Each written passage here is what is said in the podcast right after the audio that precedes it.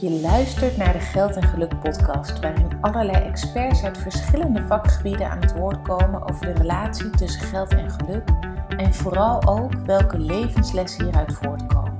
Ben jij benieuwd hoe jij een lichter, gezonder en gelukkiger leven kan leiden? En welke andere inzichten de experts geven op het gebied van zingeving en een betekenisvol leven? Dan is deze podcast echt iets voor jou. Ik ben Emma Hafkamp, GZ-psycholoog, coach en yogatherapeut oprichter van Praktijk Lux. Ik help leiders aan de top naar een lichter, gelukkiger leven vol zin en betekenis. En voor jou host ik deze podcast. Ik wens je veel inspiratie en luisterplezier. Welkom bij een nieuwe aflevering van de Geld en Geluk podcast. Deze keer wordt Farid Tabarki geïnterviewd.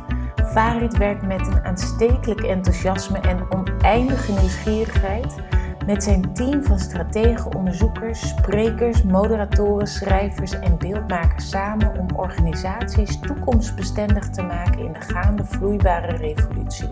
Wat bedoelt hij met de vloeibare samenleving en wat beoogt hij met Studio Zeitgeist hierin te bereiken? Hoe gaat Farid zelf om met verandering en hoe beoordeelt hij zijn eigen vloeibare leiderschap? En wat heeft hij over het thema geld en geluk geleerd tijdens al zijn reizen naar inmiddels 167 landen op de wereld? Luister gauw mee om dit te horen en ook hoe jij onderdeel kan worden van de vloeibare revolutie. Wat zitten we hier op een uh, prachtige plek op het Oud Marineterrein in, uh, in Amsterdam. Ja. Dankjewel dat ik hier mag zijn. Um, laten we beginnen met gewoon, hoe gaat het met je? Oeh, uh, dat gaat mij heel goed. Fantastisch. Uh, ik heb net een mooie reis mogen maken door uh, Zuid-Amerika. ik had vorige week bijna de perfecte week. Dus in de zin van dat ik qua zakelijke activiteiten een hele goede balans had van, van dingen die ik mocht doen. Een aantal hele toffe toezichtshoudsdingen die ik mocht doen. privé, genoeg tijd voor sport, voor vrienden, mooie film gezien. Dus nou, als ik een soort perfecte week moet uitstippelen, dan is dat terug uit de zon gekomen en dan hier lekker je ding doen op een hele effectieve, fijne en mooie manier. Ja, wauw.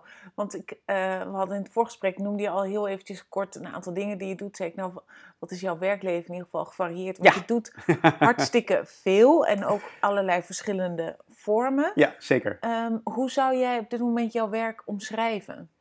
Ja, kijk, ik ben de oprichter van Studio Zeitgeist, dus de naam verraadt het een beetje. Ik hou bezig met de tijdgeest, wij houden ons bezig met de tijdgeest. En die tijdgeest, ja, die probeer je zo goed mogelijk in kaart te brengen door veel te lezen, door veel mensen te spreken, door veel te reizen.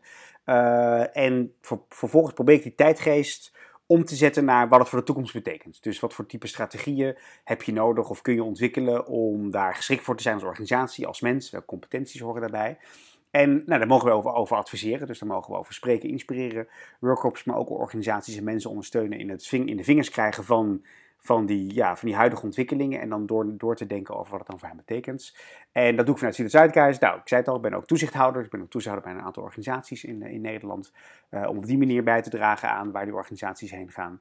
Uh, ik mag veel schrijven op allerlei plekken over wat er aan de hand is. En, uh, en, nou, en ik ben alle landen van de wereld aan het bezoeken. Dus dat bij elkaar zorgt dat je nou, dat er veel, veel dynamiek is. Ja, ja, wat mooi. En, en um, hoe, hoe ben je op dit pad gekomen van eigenlijk het onderzoeken van de tijdsgeest? Ik denk dat het altijd een beetje in je zat. Dus mm. uh, als ik ook naar mijn ouders luister, hoe ik als kind was, dan zat er altijd wel een soort van ja, nieuwsgierigheid in. Weet je, zodra ik ook maar een paar letters kon lezen, was ik al bezig met de melkpak lezen, wat daar nou precies stond. En dat is nooit meer weggegaan. Weet je, als ik een tekst zie, dan moet ik die tekst tot me nemen. Nou is er wel heel veel tekst tegenwoordig beschikbaar, dus er zit een limiet aan. Maar, maar goed, als ik even, even kans krijg, dan vind ik eigenlijk heel veel soorten tekst wel interessant. Dus ja, die nieuwsgierige houding die zit in, intrinsiek in je. Maar nou ja, gedurende je pad uh, uh, kwamen er gelukkig een aantal momenten in mijn leven waardoor ik uh, een aantal kansen kreeg om die nieuwsgierigheid ook ja, professioneel vorm te geven eigenlijk. En dat, nou, dat maakt op een gegeven moment wie je bent, wat je bent en wat je mag doen in die, in die rol.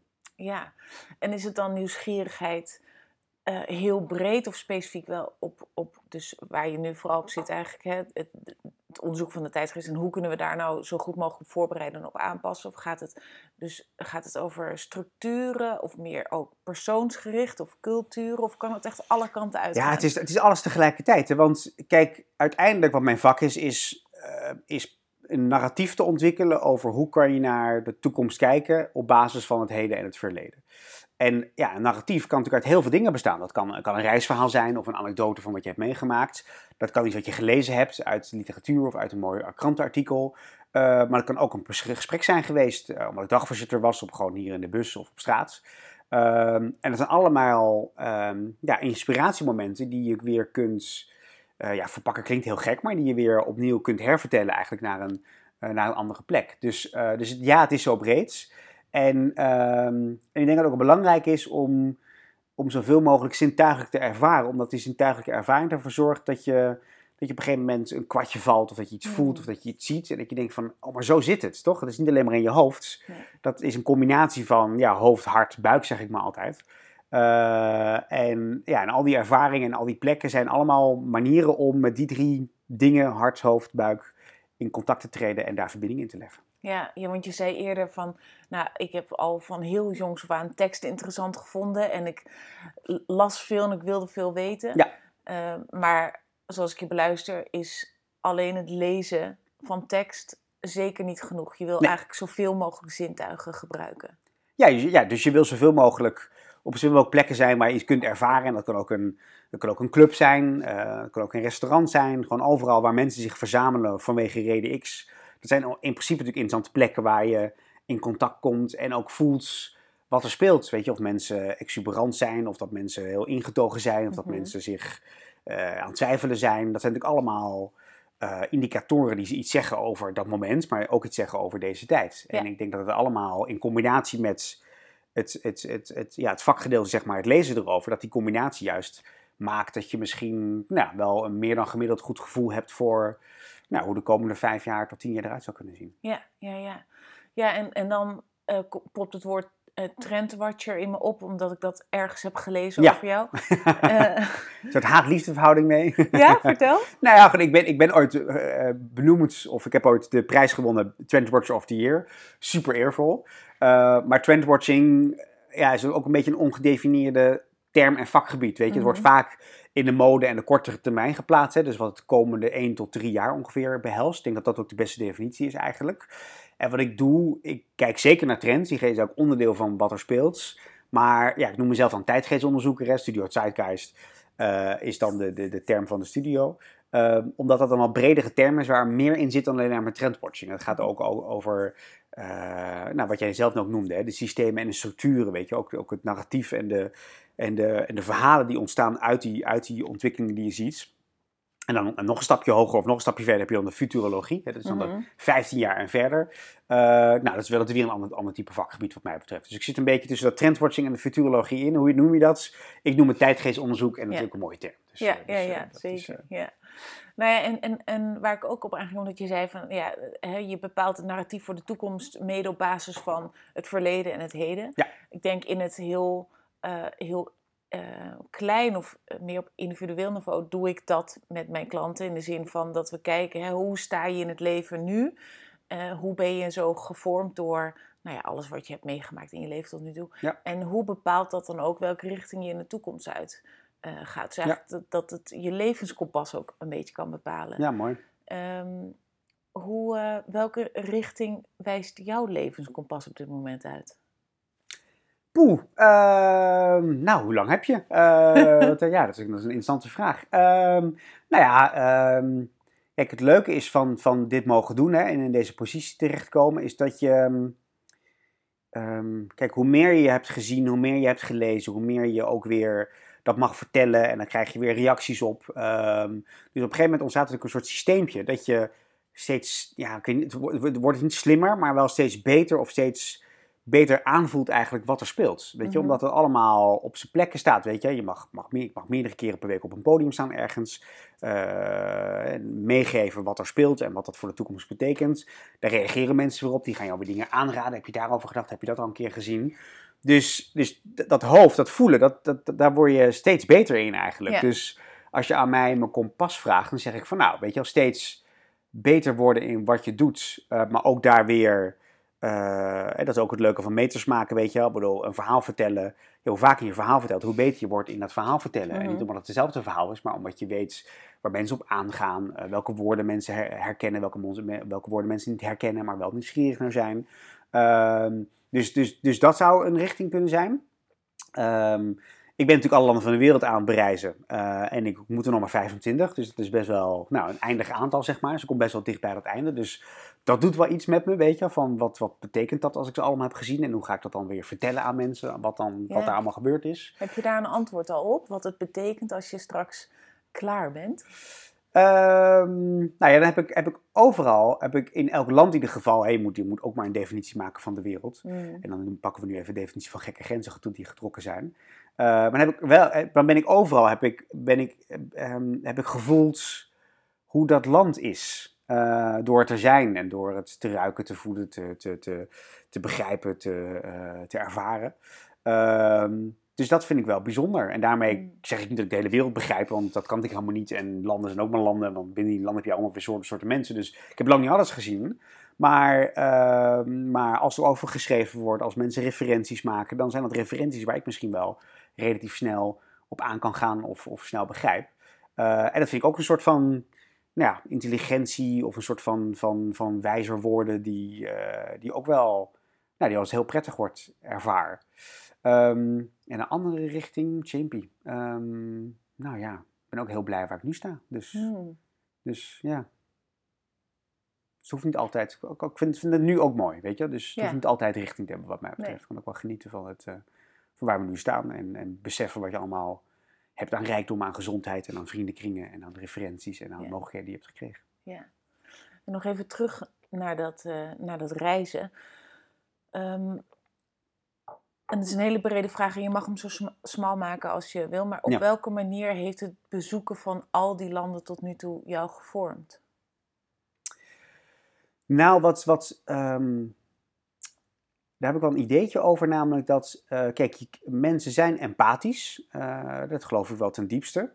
Maar empathie moet je ook, nou moet je niet, maar kun je ook oefenen. Weet je? Dus, uh, dus als je niet zo vaak met andere mensen in aanraking komt, dan kun je wel empathisch zijn naar die groep mensen, maar is het misschien wat moeilijker om ook empathisch te zijn naar andere groepen mensen die je misschien nooit tegenkomt, of weinig tegenkomt of die je niet zo goed kent. Uh, en nogmaals, ik denk dat mensen van nature empathisch zijn, maar je kunt wel oefenen om ook ja, om empathisch te worden, laat ik het zo mhm. zeggen. En reizen voor mij uh, is een soort permanente oefening in empathie, want je komt in, in, nieuwe situaties terecht die je niet altijd kent, die je misschien ook door de vooroordelen die je hebt ook beangstigd kunnen, kunnen, kunnen zijn of kunnen voelen in ieder geval. En elke keer merk je weer dat zodra je gewoon onder mensen bent, mensen mensen zijn. Dus je ter willen zijn en het gesprek aan willen gaan en ook nieuwsgierig zijn en benieuwd. Uh, dus elke keer door je eigen bubbeltje heen, uh, heen prikken, je eigen voordelen heen prikken. Dat is voor mij wat reizen brengt. Dat je elke keer denkt van, uh, goh, wat spannend dat ik erheen ga, want is daar niet dit, dit, in de hand? En dan stellen ook veel mensen die vragen van, nou, wat was dan een bijzonder moment? Of ben je niet bang als je naar dat en dat land gaat? Ik zal niet ontkennen dat dat soms wel het geval is geweest. Maar de grap is elke keer weer, net als bij lezingen geven. Misschien heb je een gezonde spanning voor die lezing. Maar dan kom je die zaal in en denk van, oh, gewoon mensen die ook nieuwsgierig zijn en, en iets van je willen weten. Weet je, of dat gesprek met je aan willen gaan. En dan denk je, oh, maar daar komen we wel uit met elkaar. Weet je wel? Dus, dus de ontmoeting en het bij elkaar brengen van verschillende soorten mensen. Wat reizen automatisch doet omdat je in een context komt die niet voor jou natuurlijk is. Of niet altijd natuurlijk. Dat is de, nou, dat is de grootste, uh, dat is het grootste cadeau wat ik steeds krijg. Mm, ja, dus dan gaat het ook heel erg over uh, hoe creëer je veiligheid voor jezelf door juist altijd weer die verbinding met andere mensen aan te gaan? Ja, exact. Ja, ja en ik weet niet of het, over, of het dan voor mij veilig moet zijn. Uh, maar, uh, maar het is wel, wel altijd, weet je, ik ben, ik ben ook een gespreksleider, dagvoorzitter. En het gaat natuurlijk over um, nee, die ander begrijpen. Weet je, wat, wat, mm -hmm. wat brengt die ander mee? En krijg ik nou voor die zaal die ander zo goed mogelijk over de bühne. Uh, door de vragen te stellen en, en echt te luisteren wat iemand zegt. En dat is natuurlijk ook, ja, reizen is ook een soort luisteren, weet je, op een hele impliciete manier misschien. Uh, uh, dus dat permanent luisteren naar wat speelt hier, wat is hier in de hand en hoe werkt het hier een beetje. En nogmaals, je, je bent er een paar dagen of een paar weken, dus je zal nooit alles begrijpen, dat is ook onmogelijk.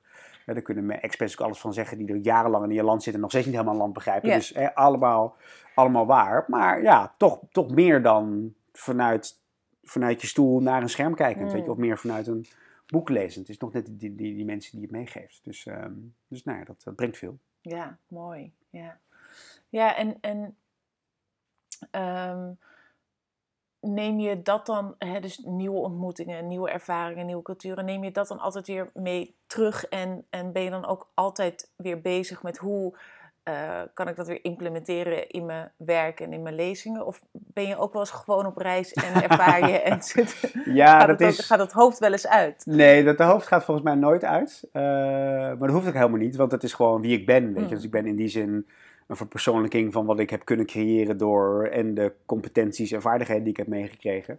eh, en, heb, en mogen ontwikkelen en de positie waar ik in ben gekomen om die ook toe te passen. Dus, dus die scheiding maak ik niet zo sterk.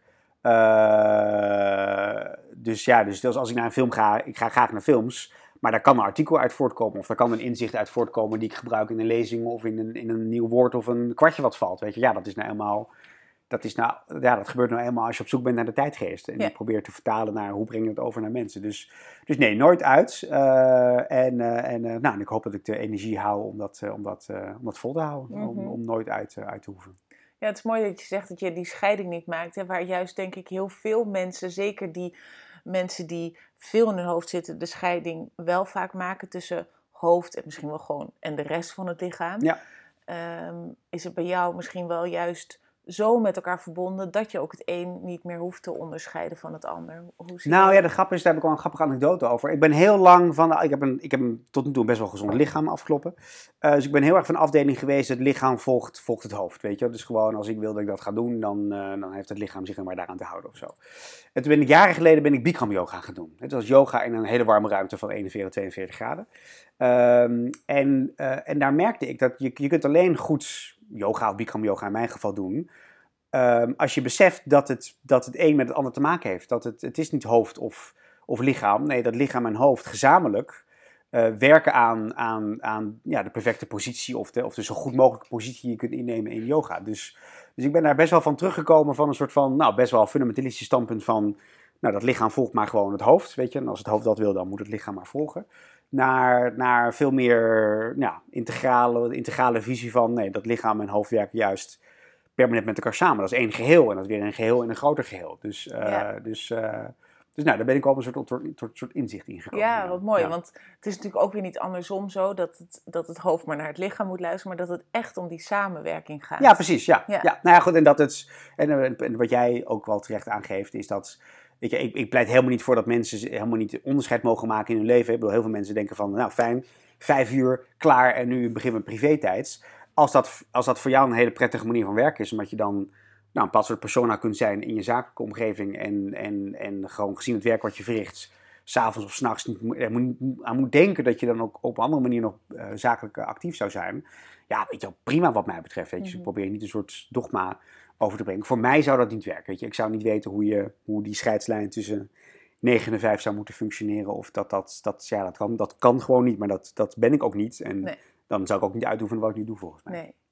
nee en, en dat inzicht, hè, dat, dat jouw hoofd en jouw lichaam eh, beter misschien werken als ze samenwerken, in Ja. plaats van dat jouw lichaam maar gewoon je hoofd moet volgen.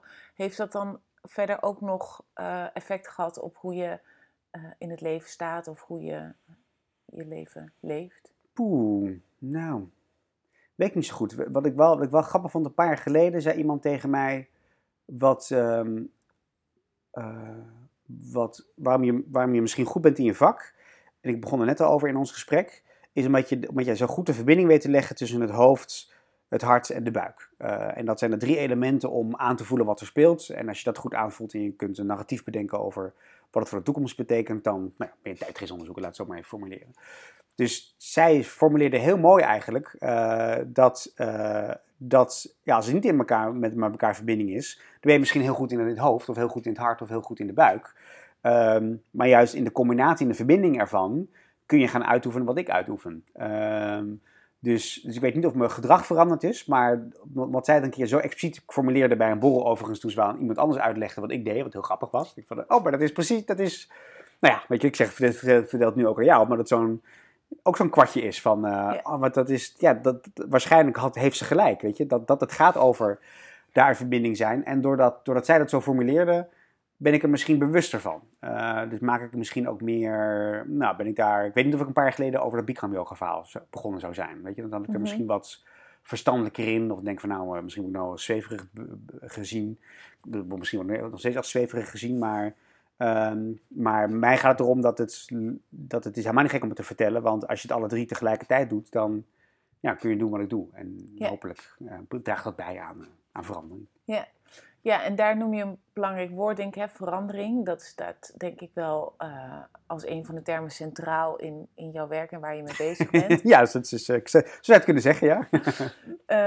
nou zijn er ook heel veel mensen die heel ofwel bang zijn voor verandering, of die het in ieder geval heel moeilijk vinden. Zeker, ja. Ehm, hoe, hoe sta jij zelf in ieder geval tegenover verandering? Laten we daarmee beginnen. Oh, een grappige vraag. Nou, laat, laat, als, als het NOS-journaal van decor wisselt, vind ik dat heel ingewikkeld.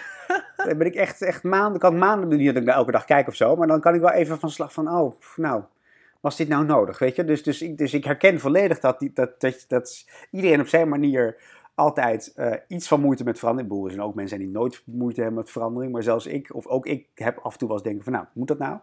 Ehm, maar ja, weet je, als, als dat mijn hoofd, als ik altijd op die manier reageren, dan weet ik ook niet zo goed of ik nou op een goede manier kan kijken naar, naar, naar tijdgeest en de verandering van de tijdgeest.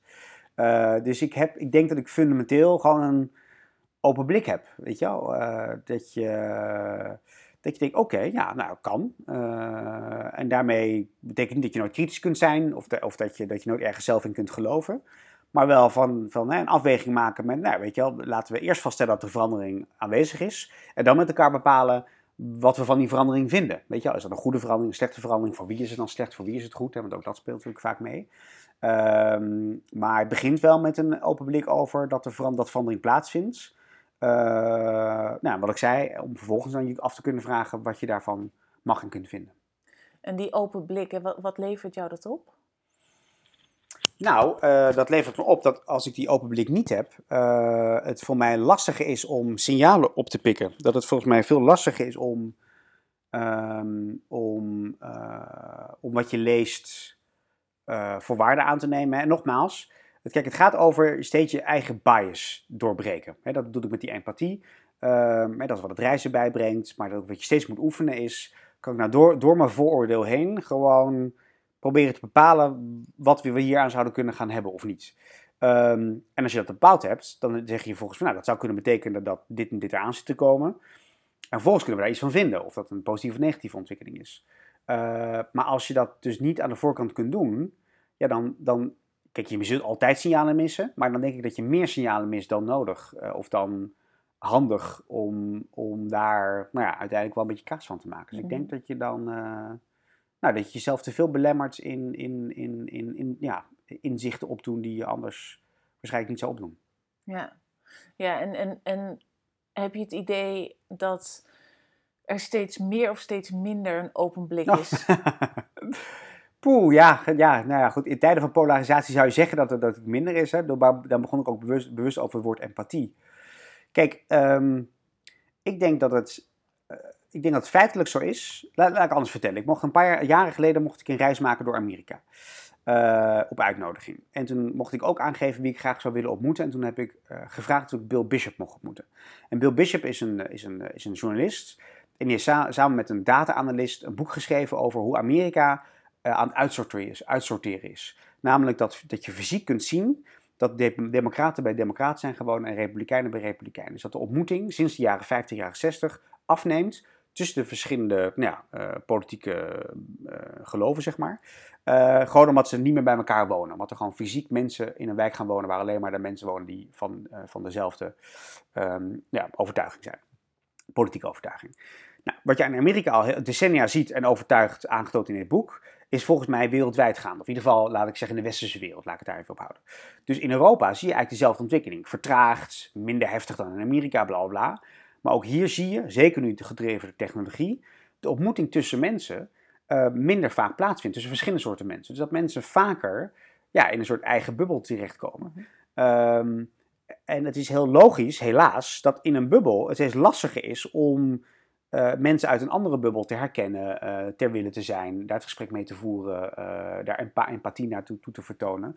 Dus de, ja, de cyclus waar we nu in zitten lijkt inderdaad op dat het moeilijker is om mensen die niet hetzelfde als jou zijn te ontmoeten. Um, en dat leidt volgens mij wel tot onbegrip. Zo zou ik het maar mogen formuleren.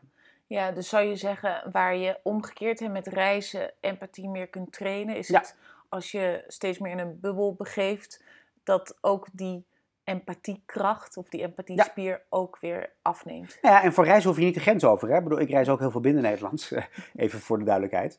Uh, want ik vind het net zo boeiend om, om naar Alkmaar te gaan of naar, naar, naar, eh, naar Maastricht of uh, noem, noem alle plekken waarop waar ik lezing mag, mag geven, waar ik graag doorheen fiets. Gewoon omdat ik het mhm. leuk vind om een weekendje daar doorheen te fietsen. om ook op die manier in, in, in verbinding te staan met, met ontwikkelingen. Want ja, weet je al, een, een reis naar Peru kan heel bijzonder zijn.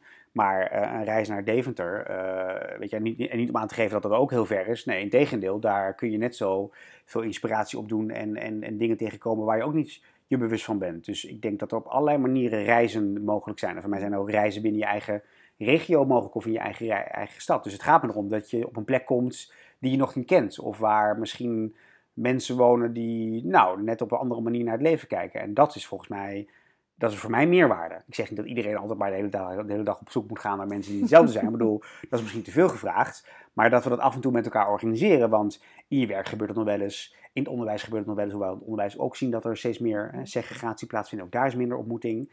Dus als we als samenleving toelaten dat je op steeds minder plekken elkaar ontmoet. Ja, dan moet je daar wel wat actiever in worden volgens mij. Hè? Dus dat is dan wat, wat is wenselijk, wat is niet wenselijk. Nou, voor mij is het wenselijk als je ziet dat er minder ontmoeting is, om opnieuw weer ontmoeting te gaan organiseren binnen de sectoren en instituties die we hebben. in de zorg, in het onderwijs enzovoorts. Uh, maar ook misschien daarbuiten nog, buiten de reguliere paden eigenlijk. Mhm. Eh, want dat maakt wel dat een gemeenschap een gemeenschap is. dat is volgens mij wel waar, die van cruciaal belang is. Want hoe kan je anders solidariteit organiseren? Die, mhm. waar, dit, waar een land als dit op gebaseerd is. Ja, ja. ja en, en um, nou, deze podcast heet natuurlijk de Geld en Geluk podcast. Ja. Ik was ook wel heel benieuwd... Um, nou, laten we beginnen met wat roept dat thema geld en geluk überhaupt bij jou op? Uh, nou ja, door, door de twee woorden in dezelfde titel te hebben, lijkt het alsof het een mhm. niet zonder het ander kan. Uh, dus, dus, dus dat roept het op. Uh, ik ben, ja, weet je, maar goed, weet je, ik heb natuurlijk ook, ook wel geen, geen financiële zorgen. Dus dan is het makkelijker praten, maar dan vind ik het gelukonderwerp interessant dan het geldonderwerp. En, en het komt ook in mijn eigen lezingen terug dat ik, um, ik ben een enorme uh, promotor van het, uh, van het leven lang ontwikkelen uh, verhaal.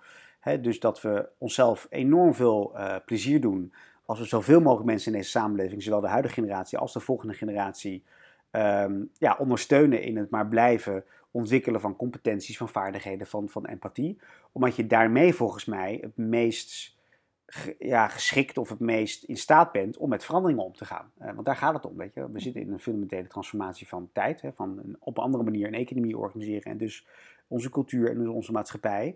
Maar daar moeten mensen wel mee kunnen. Uh, en wat mij betreft is het natuurlijk hartstikke belangrijk dat mensen een financiële basis hebben, weet je, want anders wordt er überhaupt niks ontwikkeld en geleerd en sta je überhaupt niet open. Hè. Empathie neemt af, of ik weet niet of het empathie is, maar in ieder geval je, je, je, je je, je weerbaarheid neemt af zodra er financiële zorgen komen. Dat is ook super bazaal en daar begint het mee. Dus het moet allemaal op orde zijn. Als het op orde is, ja, dan vind ik die gelukscomponent, of dat wat ik dan leven ontwikkeling noem, cruciaal om gelukkig te kunnen blijven. Om een rol te kunnen spelen in die veranderende samenleving. Want je wordt ook depressief of angstig als je het gevoel hebt dat je niet meer mee kan. Daar komt het angstig gevoel bij. Dus het is aan ons allemaal de taak om dat te doen. En zo begon ik over, en dat was mijn linkje met die lezing. Ik heb wel een tijdje gezegd van, nou weet je, we, kunnen, we hebben het over basisinkomen gehad, hè, over, over, over een financiële basis aan mensen meegeven. Daar ben ik helemaal niet tegen. Ik vind het een hele interessante discussie. Maar mijn kritiek dan weer op die discussie is, ja, maar dan moeten we eh, ons er wel van vergewissen dat we tegelijkertijd heel hard moeten werken, dat mensen mee kunnen blijven gaan in die veranderende samenleving, dat competenties en vaardigheden van hen vraagt. En dan maak ik het een beetje scherper van, dan moet je het over geld hebben, over die competenties in het leven lang ontwikkelen. Nou, als ik een keuze mag maken, heb ik het liever over leven lang ontwikkelen, maar daarmee zeg ik niet dat het geen belangrijk onderwerp is. Zeker niet voor mensen die de financiële basis niet hebben, want dan, ja, dan dat is de start. Ja. Ja, en ik denk als je het hebt over uh, leven lang uh, ontwikkelen, goede uh, vaardigheden bijspijken of nieuw aanleren. Dat gaat voor mij ook heel erg over het gevoel dat je dus waarde kan bijdragen in de wereld en ook dat je daarmee waardevol voelt. Ja. ja en daarmee over ja, zingeving misschien wel. Hè? Hoe geef je je leven zin? Nou ja, door waarde te geven en te ontvangen. Ja. Um, hoe, uh, hoe gevuld is jouw zingevingsvaatje? Oh, nou, ja, volgens mij best wel veel. Omdat ik, ik maak heel bewust tijd voor nadenken over waar maatschappelijk heen gaan, maatschappelijk engagement. Uh, ik ben een toezichthouder waar niet voor betaald wordt bij een aantal culturele organisaties. omdat, het, ja, omdat ja, cultuur volgens mij ook, een, ook waarden geeft en, en waarde, waarde creëert. Dus ik vind het belangrijk om daar tijd voor vrij te maken en daar tijd in, te investeren. Om, omdat ja, organisaties die bestaan niet van zichzelf. Hè, daar, moet ook, daar moeten mensen betaald rondlopen om het te doen. Maar er moeten ook toezichthouders zijn die kijken van gaat het goed. En dat is nou helemaal hoe dat werkt. Dus op die manier uh, um, denk ik dat ik, dat, ik dat ik waarden creëer en waarde geef en waardevol uh, uh, bezig zijn. maar goed, ik ben er ook voor vrienden en, en, en kennissen als die, als die dat nodig hebben. Dus Ehm, dus omdat ik, nou, ik ga natuurlijk over mijn eigen agenda en ik probeer ook altijd niet te druk te zijn in de zin dat er altijd wel ruimte is voor iets onverwachts. En mm nou, omdat ik die ruimte heb kunnen creëren, kan, kan ik ook op, op momenten er zijn voor, niet altijd in de hele dag, en, maar nou, voor, de mensen, voor mensen als dat, als dat nodig is. En dat zijn natuurlijk voornamelijk naasten dan. Maar, uh, maar, uh, maar nou, op die manier denk ik, of hoop ik dat ik een balans vind tussen aan de ene kant zakelijk bezig zijn, maar dat, dat zakelijk misschien ook wel eens af en toe iets waardevols creëert. Maar naast dat zakelijk ook wel gewoon tijd vrijmaken voor, voor vrijwilligerswerk, noem, laat ik het zo maar even noemen. Ja, ja, dus dat is weer die balans en die je misschien vorige week in die perfecte week zo ja. goed had. nou, dat, dat is de grap. Mijn, mijn moeder heeft, had, heeft, heeft, heeft, was de anekdote gehad dat ik als kind, ik was nooit zo van snoepen en zo dat ik altijd enorm. Ik, uh, ik heb een, een hele zijn stofwisseling, dus ik kan heel veel eten. Maar ik eet nooit te veel. En mijn moeder, dus mijn moeder heeft dat, heeft dat eetverhaal van. Uh, ja, maar als kind al. Wist jij precies wanneer je moest stoppen met eten? En ook met snoepen en zo, weet je. Wat ik voor een kind dan misschien een beetje gek is, want een kind is op zich over het algemeen is vol met voedsel. Um, en om, om, dus haar analyse was altijd van: je hebt een soort interne balans. Weet je, je weet. Het is niet dat ik nooit, nooit de scherpe kantjes opzoek, maar ik weet wel wanneer dat wanneer je moet stoppen, weet je wel. En, en, en, en, uh, en uh, nou, vond, vond ik wel grappig. Op zich ik kan het niet voor mezelf van mezelf zeggen, maar ik denk van, nou, misschien is het wel zo dat ik een soort van interne, um, nou weet je, ik, zou, ik heb het ook niet heel snel, als ik het te druk krijg, word ik heel zagrijnig. Weet je, hmm. dus dan, dus dan, en dan ben ik echt na één of twee weken ben ik echt zo zagrijnig dat dat automatisch stopt dat te druk zijn, weet je. Dus, dus, uh, dus, um, dus ik heb blijkbaar een lichaam wat goed luistert of nou, misschien is het weer die verbinding dat, dat, weet je, zegt nooit nooit. Hè. Ik bedoel, het kan best zijn dat ik het misschien langere termijn te druk krijg. Maar tot nu toe balanceert ze dat aardig. Ja, ja. Maar dat is meer een gevoelskwestie dan dat, het nou, dat ik mijn agenda thuis heb staan of zo. Ja, precies. Want te druk zijn is dan misschien wel een risicofactor om jou uit balans te halen. Zijn er ook nog andere dingen die, die mogelijk bedreigend voor jouw balans zijn? Nou, druk, is, druk zijn is de hel. Dat is echt de hel. Uh, en bij mij, in mijn vak kan het niet anders, hè, want de lezingen zijn in juni, november. Hè, dat, is, dat, is de, dat is het hoogseizoen van de lezingen. Dus dan weet je gewoon dat je één of twee weken gewoon, uh, nou, gewoon heel vaak aan de bak moet. En dat is fantastisch, want dan mag je met, aan zo, zoveel mensen meedenken en praten over wat er aan de hand is en wat er gebeurt. Dus het geeft altijd energie. Maar ja, weet je, als je dat drie, vier keer per week moet doen, dan, uh, nou ja, ga er maar aan staan. Dus, uh, maar goed, dat gezegd hebbende. Ik denk dat het andere gevaar is, met nogmaals, je kunt nooit overal tegelijkertijd zijn. Je kunt niet met iedereen altijd in contact staan, maar ja, contact verliezen uh, op een bepaald niveau lijkt me ook heel eng.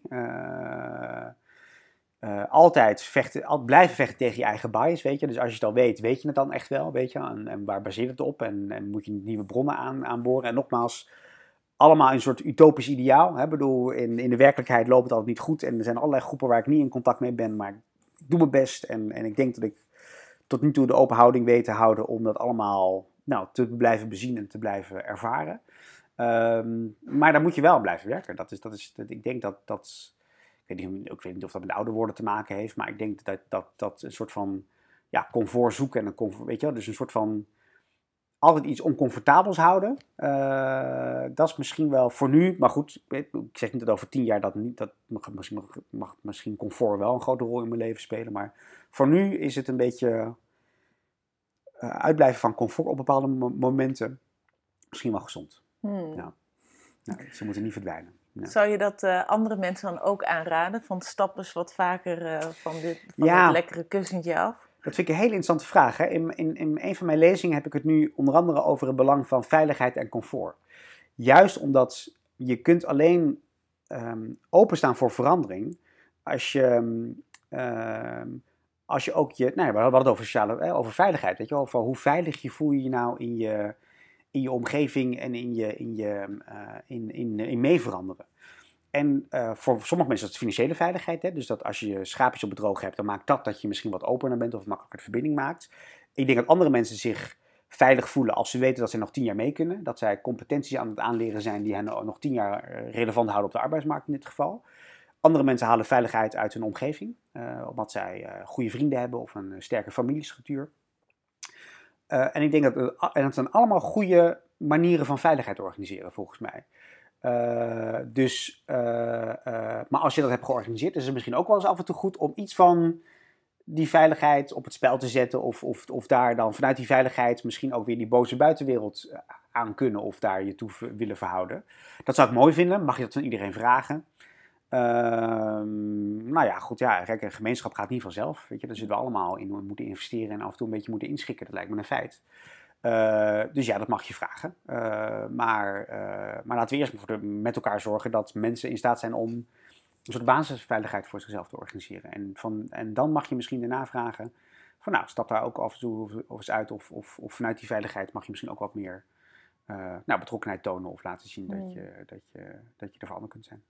Ja, dat doet me ook heel erg denken aan dat dit eigenlijk de volwassen versie is van hoe kinderen als baby en de eerste drie jaar hun hechting ontwikkelen. Oh dat als dat veilig is, dat vanuit daar ze gaan exploreren en de wereld langzaamaan gaan ontdekken. Af en toe even terugkijken waar is papa ja, mama. Precies, ja, precies. Ja, mooi gezegd. Ja, ja. Dat dat, dat, dat hier ook geldt. Dat als er een basisveiligheid is of een veilige hechting aan de samenleving of de cultuur waarin je begeeft, dat je vanuit daar ook makkelijker kan exploreren. Nou, mooi gezegd. En, en wat ik dan ook in gesprek ook probeer te benadrukken is, vragen we aan onze collega wel eens welke veiligheid zij nodig hebben in, in, in de transformatie van de organisatie of van het team of van de competenties die worden gevraagd. Want als we niet weten van elkaar waar, waar, die, waar, dat gevoel van veiligheid op gebaseerd is, ja, dan wordt het ook heel lastig om met elkaar te, te bepalen of iemand op een gegeven moment te veel werkdruk heeft of dat iemand uh, niet mee kan in, in, die, in die verandering. Terwijl ze het weten, hè, bedoel, uh, oh, eh, lukt het, gaat het financieel niet goed? Ja, dat, dat is een enorm belangrijke graadmeter voor uiteindelijk iemands functioneren en of iemand mee kan in die verandering. Oh, je mist een bepaalde vaardigheid om mee te kunnen uh, in die verandering. Hè? Wat leiders hebben ervaren tijdens COVID. Opeens leiding geven aan mensen achter een scherm. Ja, dat is natuurlijk heel wat anders dan leiding geven eh, met elke dag aan tafel hier en, en, en, en de agenda bepalen. Dus, uh, dus je voelde zich ook heel onveilig misschien. En moest ook allerlei dingen leren om, om die nieuwe leiderschapskwaliteiten mee te nemen in op, een, op, hè, op leiderschap op plaats van vertrouwen, in plaats van wantrouwen waar we vandaan kwamen. Dus, um, dus nou, uh, lang verhaal kort ik denk dat, het, dat dat een heel mooi voorbeeld is, inderdaad. Die, die, die baby- en kindertijd, uh, die eigenlijk doorwerken in ieders leven permanent. Alleen daar staan we er stil bij, bij de eerste paar jaar, maar daarna niet meer. Uh, en dat is een nou ja, enorm gemis en ook heel dom, volgens mij. Ja, want als, als je dan kijkt over, uh, je spreekt en schrijft dan over de vloeibare samenleving. Ja. Denk je dat die, die veiligheid daar een voorwaarde voor is om daar goed in mee te kunnen bewegen. En misschien voor de luisteraar die nu denkt, ja. vloeibare samenleving. Misschien eerst even uitleggen wat je daarmee bedoelt. Ja, nou ja, ja. De vloeibare samenleving is de metafoor. We komen uit een industrieel tijdperk. Hè. We zijn groot geworden de afgelopen 200 jaar op basis van het industriële tijdperk, de industriële revolutie. En eigenlijk, als je er heel ja, cynisch of kritisch naar wil kijken, zijn veel onderdelen van onze samenleving nog steeds industrieel georganiseerd de hiërarchie, de manier van 9 to 5 en 9 tot 5 enzovoorts. En de stelling van Studio Zuidkeis is dat wij proberen te onderzoeken hoe de transformatie eruit ziet van een industrieel tijdperk naar een vloeibaar tijdperk. En een vloeibaar tijdperk laat zich definiëren als een tijdperk waarin ja, verandering constant geworden is, hè, want vloeibaarheid beweegt de hele tijd. En ja, wat daar, wat, eh, het vloeibare positie X is een paar seconden later vloeibare positie Y, namelijk ergens anders in dat zwembad of in, die beker. Uh, dus ja, dus niks is ook zeker, weet je. Er is veel onzekerheid in, in, in dat nieuwe systeem, zeg maar. Nou, daar kan je positief of negatief naar kijken. Je kunt zeggen van, nou mooi, want dan, uh, wij, wij, we hebben een soort playground ontwikkeld waarin we de strategieën definiëren van waar je dan vandaan komt. Nou, hiërarchie, industrieel naar netwerk. dat is vloeibaar. Hè. netwerken zijn veel vloeibaarder dan, bewegelijker dan, dan, in, dan, dan, dan, eh, dan, dan, hiërarchieën. Dus hoe kunnen wij van onze organisaties netwerkorganisaties maken? Hoe kunnen onze organisaties zich in een netwerk functioneren binnen die samenleving? Nou, dus kan je, dat kan je heel, klinkt heel abstract, maar dat kun je heel je kunt steeds concreter maken wat dan de beweging is waar je in zit. Hè. Hierarchisch is op je informatie zitten. Als manager was informatie macht, want dan was jij degene die het wist in een vloeibaar tijdperk is juist de openheid van informatie. Het, het, laten vloeien van informatie is juist je macht of juist de kracht van delen en van. Nou, ehm, Uh, dus, dus dat is de ontwikkeling die we proberen te duiden waar we organisaties in ondersteunen. En als jij dan, als jij, als jij dan vraagt van, uh, want je vraag was oorspronkelijk, de, de vraag ervoor was? Ja, um, vloeibare samenleving of de veiligheid daar dan een precies. voorwaarde voor is. En, en daarom, daarom begon ik er ook over als, als belangrijke voorwaarde, ook comfort, veiligheid, is ja, um, alleen als je op de basale elementen comfortabel voelt, is het makkelijker om mee te bewegen. Dan is het makkelijk om te zeggen van, oh, maar dat vind ik eigenlijk wel interessant. Of ook ga even met, met, met die persoon verbinden. Of ook ga even op die manier um, uh, een, een, andere, een andere verbinding aan. Uh, maar allemaal, allemaal vanuit die, die basisgedachte van wie ben jij, wat voeg je toe, weet je wat je toevoegt, wat is je betekenis. En vanuit die betekenis kun je iets toevoegen aan een ander netwerk of aan een andere omgeving. Maar als je dat niet hebt gedefinieerd, als het gewoon puur is, zeg maar, ik bedoel, ik heb nu eenmaal een functieprofiel met deze taken, dus die voer ik uit. Ja, dat wordt het een beetje ingewikkeld als er steeds verandering wordt gevraagd en steeds nieuwe ontwikkelingen op je afkomen. Dan, dan loop je vast. Daar word je weer angstig van. Daar word je misschien weer depressief van. En, daar, en dan ga je weer slechter functioneren. Dus het is een enorm ja, uh, race naar, naar, naar beneden. Um, dus ik denk juist dat, dat, dat het dat dat begin definiëren van wie ben ik en, en wie ben ik in relatie tot de ander, juist heel erg helpt in wat er in die industrie van je gevraagd wordt. Ja, en dan klinkt het heel simpel, hè? Wie ben ik en wie ben ik in relatie? hoe, hoe, uh, hoe vind je daar volgens jou een antwoord op? Nou, wat, wat, wat wij toepassen in, in, in onze strategie, strategieondersteuning zijn Socratische gesprekken bijvoorbeeld. Uh, Socratische gesprekken uh, ja, zijn gesprekken die. Uh, we hebben het in, in, in, een zorgsetting gedaan, bij een, eh, bij een zorginstelling.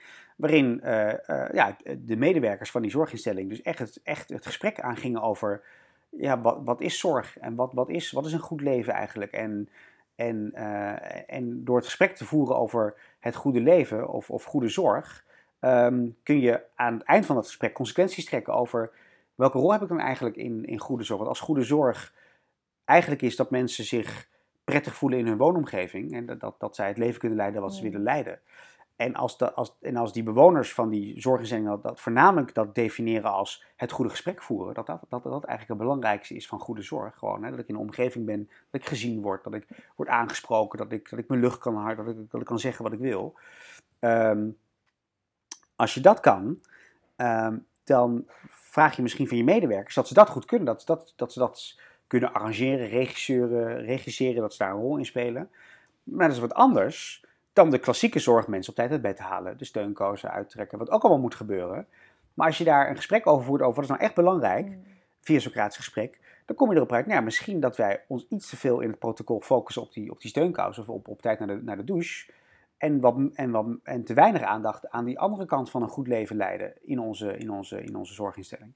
Ehm, nou, dus om aan te geven dat volgens mij er heel veel mooie instrumenten zijn, of heel veel manieren zijn, uh, die in essentie gaan over goed luisteren naar elkaar. Die maken dat uiteindelijk ook professionals uh, ja, het gevoel krijgen, oh, maar überhaupt een collectief gesprek over wie zijn we eigenlijk en wat doen we eigenlijk. Uh, en wat, wat, wat, vinden we met elkaar belangrijk en welke waarden hanteren we. maar dan kan je hele ver, vergaande conclusies uittrekken met elkaar als je daartoe bereid bent. Ja, heel mooi. Ja. ja. En, en wanneer ehm, ben je volgens jou een, een toekomstbestendige leider?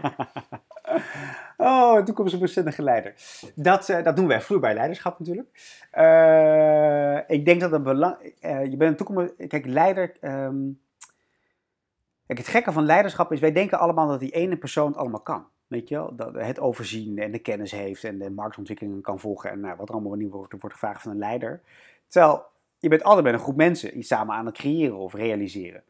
Uh, en al die mensen hebben allemaal kwaliteiten en capaciteiten die allemaal belang, cruciaal zijn voor het kunnen uitvoeren wat je wilt uitvoeren met elkaar. Um, en volgens mij is leiderschap, vloerbaar leiderschap, gaat over: kun je nou op de juiste momenten de juiste mensen uh, aan bod laten komen of, of, of, of, of aan, aan zet laten zetten.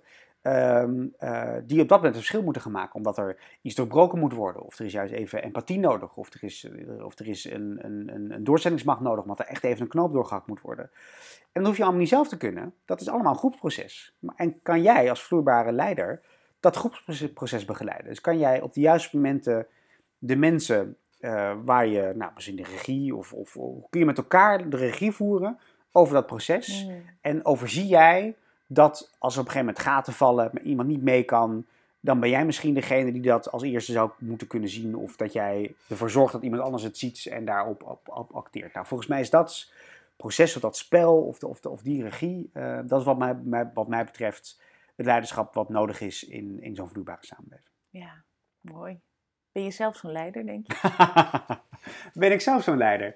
Um, JP. Uh, nou, ik ben wel. Uh, ja, god, ja, nee, natuurlijk. Ik, ja, omdat ik. Uh, omdat ik best wel kijk naar andere mensen en, en, hoe andere mensen in de wedstrijd zitten en wat zij kunnen bijdragen. Dus ik, dus ik heb, ik heb, ik heb niet, ik heb niet zo'n heel groot ego volgens mij. Dus, dus ik kan best wel makkelijk, denk ik, andere mensen het woord geven of andere mensen hun rol laten pakken zonder dat ik denk van, nou maar nu kijken mensen alsof ik niks zit te doen.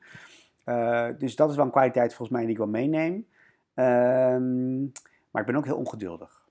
Uh, dus ik denk dat ik wat dat betreft als leider misschien minder geschikt ben omdat ik wel heel snel, als het niet gaat zoals het moet gaan, ik denk, nou, doe ik het even zelf wel. Uh, waar ook niemand op zit te wachten wat dat betreft. En ook qua resultaat, ook zeker niet dat het beste resultaat oplevert. Dus ik heb daar ook wel zeker mijn, uh, mijn, uh, mijn, mijn flaws wat dat betreft. Ja, in ieder geval heb je er wel inzicht op. ja, ja nou, goed, dat is misschien alweer positief. Ja, ook, ja. Niet, ook niet over alles trouwens. Maar, maar nee, maar goed, weet je, maar ja, goed, ik bedoel, iets zelf, iets, altijd, altijd denken dat je het beter kan, is natuurlijk ook niet een goede basis voor leiderschap. Want dat gaat juist over ik denk dat, andere mensen, dat je denkt dat andere mensen beter dat, dat denk ik ook. Alleen ja, als, als, als ze het niet bewijzen, dan. Nou ja, zoiets. Ja, ja. ja iedereen heeft altijd nog ook zijn val. Oh, nee, en, en er valt altijd gelukkig altijd nog wat te ontwikkelen en te leren. Dus vandaar ook het belang van dat. Ja. Leven ontwikkelen. Dat geldt zowel voor jou als mij ook. Ja. Is er nog een um, slotboodschap of iets dat je graag kwijt wil? Of je denkt, nou, dat, dat wil ik graag nog meegeven aan de luisteraars van dit gesprek? Ja, nou, uh, nou ja, van alles. Maar, uh, maar we hebben ook een heel mooi gesprek gehad. Dus, dus, uh, dus, dus we hebben ook heel veel mooie onderwerpen volgens mij aangeraakt. Wat ik wel, wat ik wel interessant vind zelf over dat ontwikkelingsvraagstuk, hè, van hoe ontwikkel ik me nou mezelf. Ik ben altijd wel op zoek naar, hoe werkt nou echt de ontwikkeling? Hè? Want mijn stelling is vaak wel van, bij gebrek aan zelfreflectie en hebben we allemaal last van. En, en altijd platen voor je kop en we hebben allemaal biasen. Ontwikkel je ook deels gewoon via de ander. Dus vandaar weer het belang van empathie en het belang van de groep en het belang van, van, van nou, met elkaar een stap verder zetten. Dus wat ik wel, wat wel spannend vind, is realiseren we ons wel voldoende. Weet je, we lijken in zo'n enorm individualistisch samenleving te wonen, hè, waarin, waarin het eigen ik steeds belangrijker wordt en jezelf definiëren, bla bla. Vind ik een hele mooie, hele, vind ik een hele mooie emancipatie die plaatsvindt. Maar tegelijkertijd moeten, we, moeten we niet vergeten dat je ook tegelijkertijd jezelf ontwikkelen ook gaat via de band van de ander. Weet je, de ontmoeting van de ander, de spiegel van de ander, de, de, de, de, de, de, de, de feedback van de ander. Um, dus, uh, uh, dus ja, um, zelfreflectie is heel mooi. Weet wie je bent en daar een identiteit aan ophangen. Maar ja, laten we ons niet verliezen in de, in de bubbel NS1, namelijk de bubbel ben ik. Uh, laten we ons zoveel mogelijk nou, laten inspireren en ook bewust van zijn dat we zelf ook een beter, effectiever, interessanter mens worden door de verbinding aan te gaan met de ander die dat met je mee doet. Ja, prachtig. Ja, ik ben het helemaal met je eens. Eigenlijk alle ontwikkeling, alle groei, alle rijkdom in, in het leven vergaren we alleen in relatie tot de ander en met de ander. Nou, ja. mooi slot dan toch? Ja, dankjewel voor dit gesprek. Graag gedaan. Ik hoop dat je genoten hebt van de aflevering en dat je geïnspireerd bent geraakt. Wil je geen enkele aflevering missen? Abonneer je dan op de Geld en Geluk podcast door op de knop volgen of abonneer te klikken. Ook zou ik het ontzettend waarderen als je een review achter wil laten in de app waarmee je deze aflevering hebt geluisterd. En heb je nu het gevoel dat jij ook op zoek wilt gaan naar hoe jij een lichter, gelukkiger en meer betekenisvol leven kan gaan leiden? Bekijk dan mijn aanbod op de website www.praktijk-lux.nl of stuur een e-mail naar info.praktijk-lux.nl. Ik kijk er naar uit om je te ontmoeten.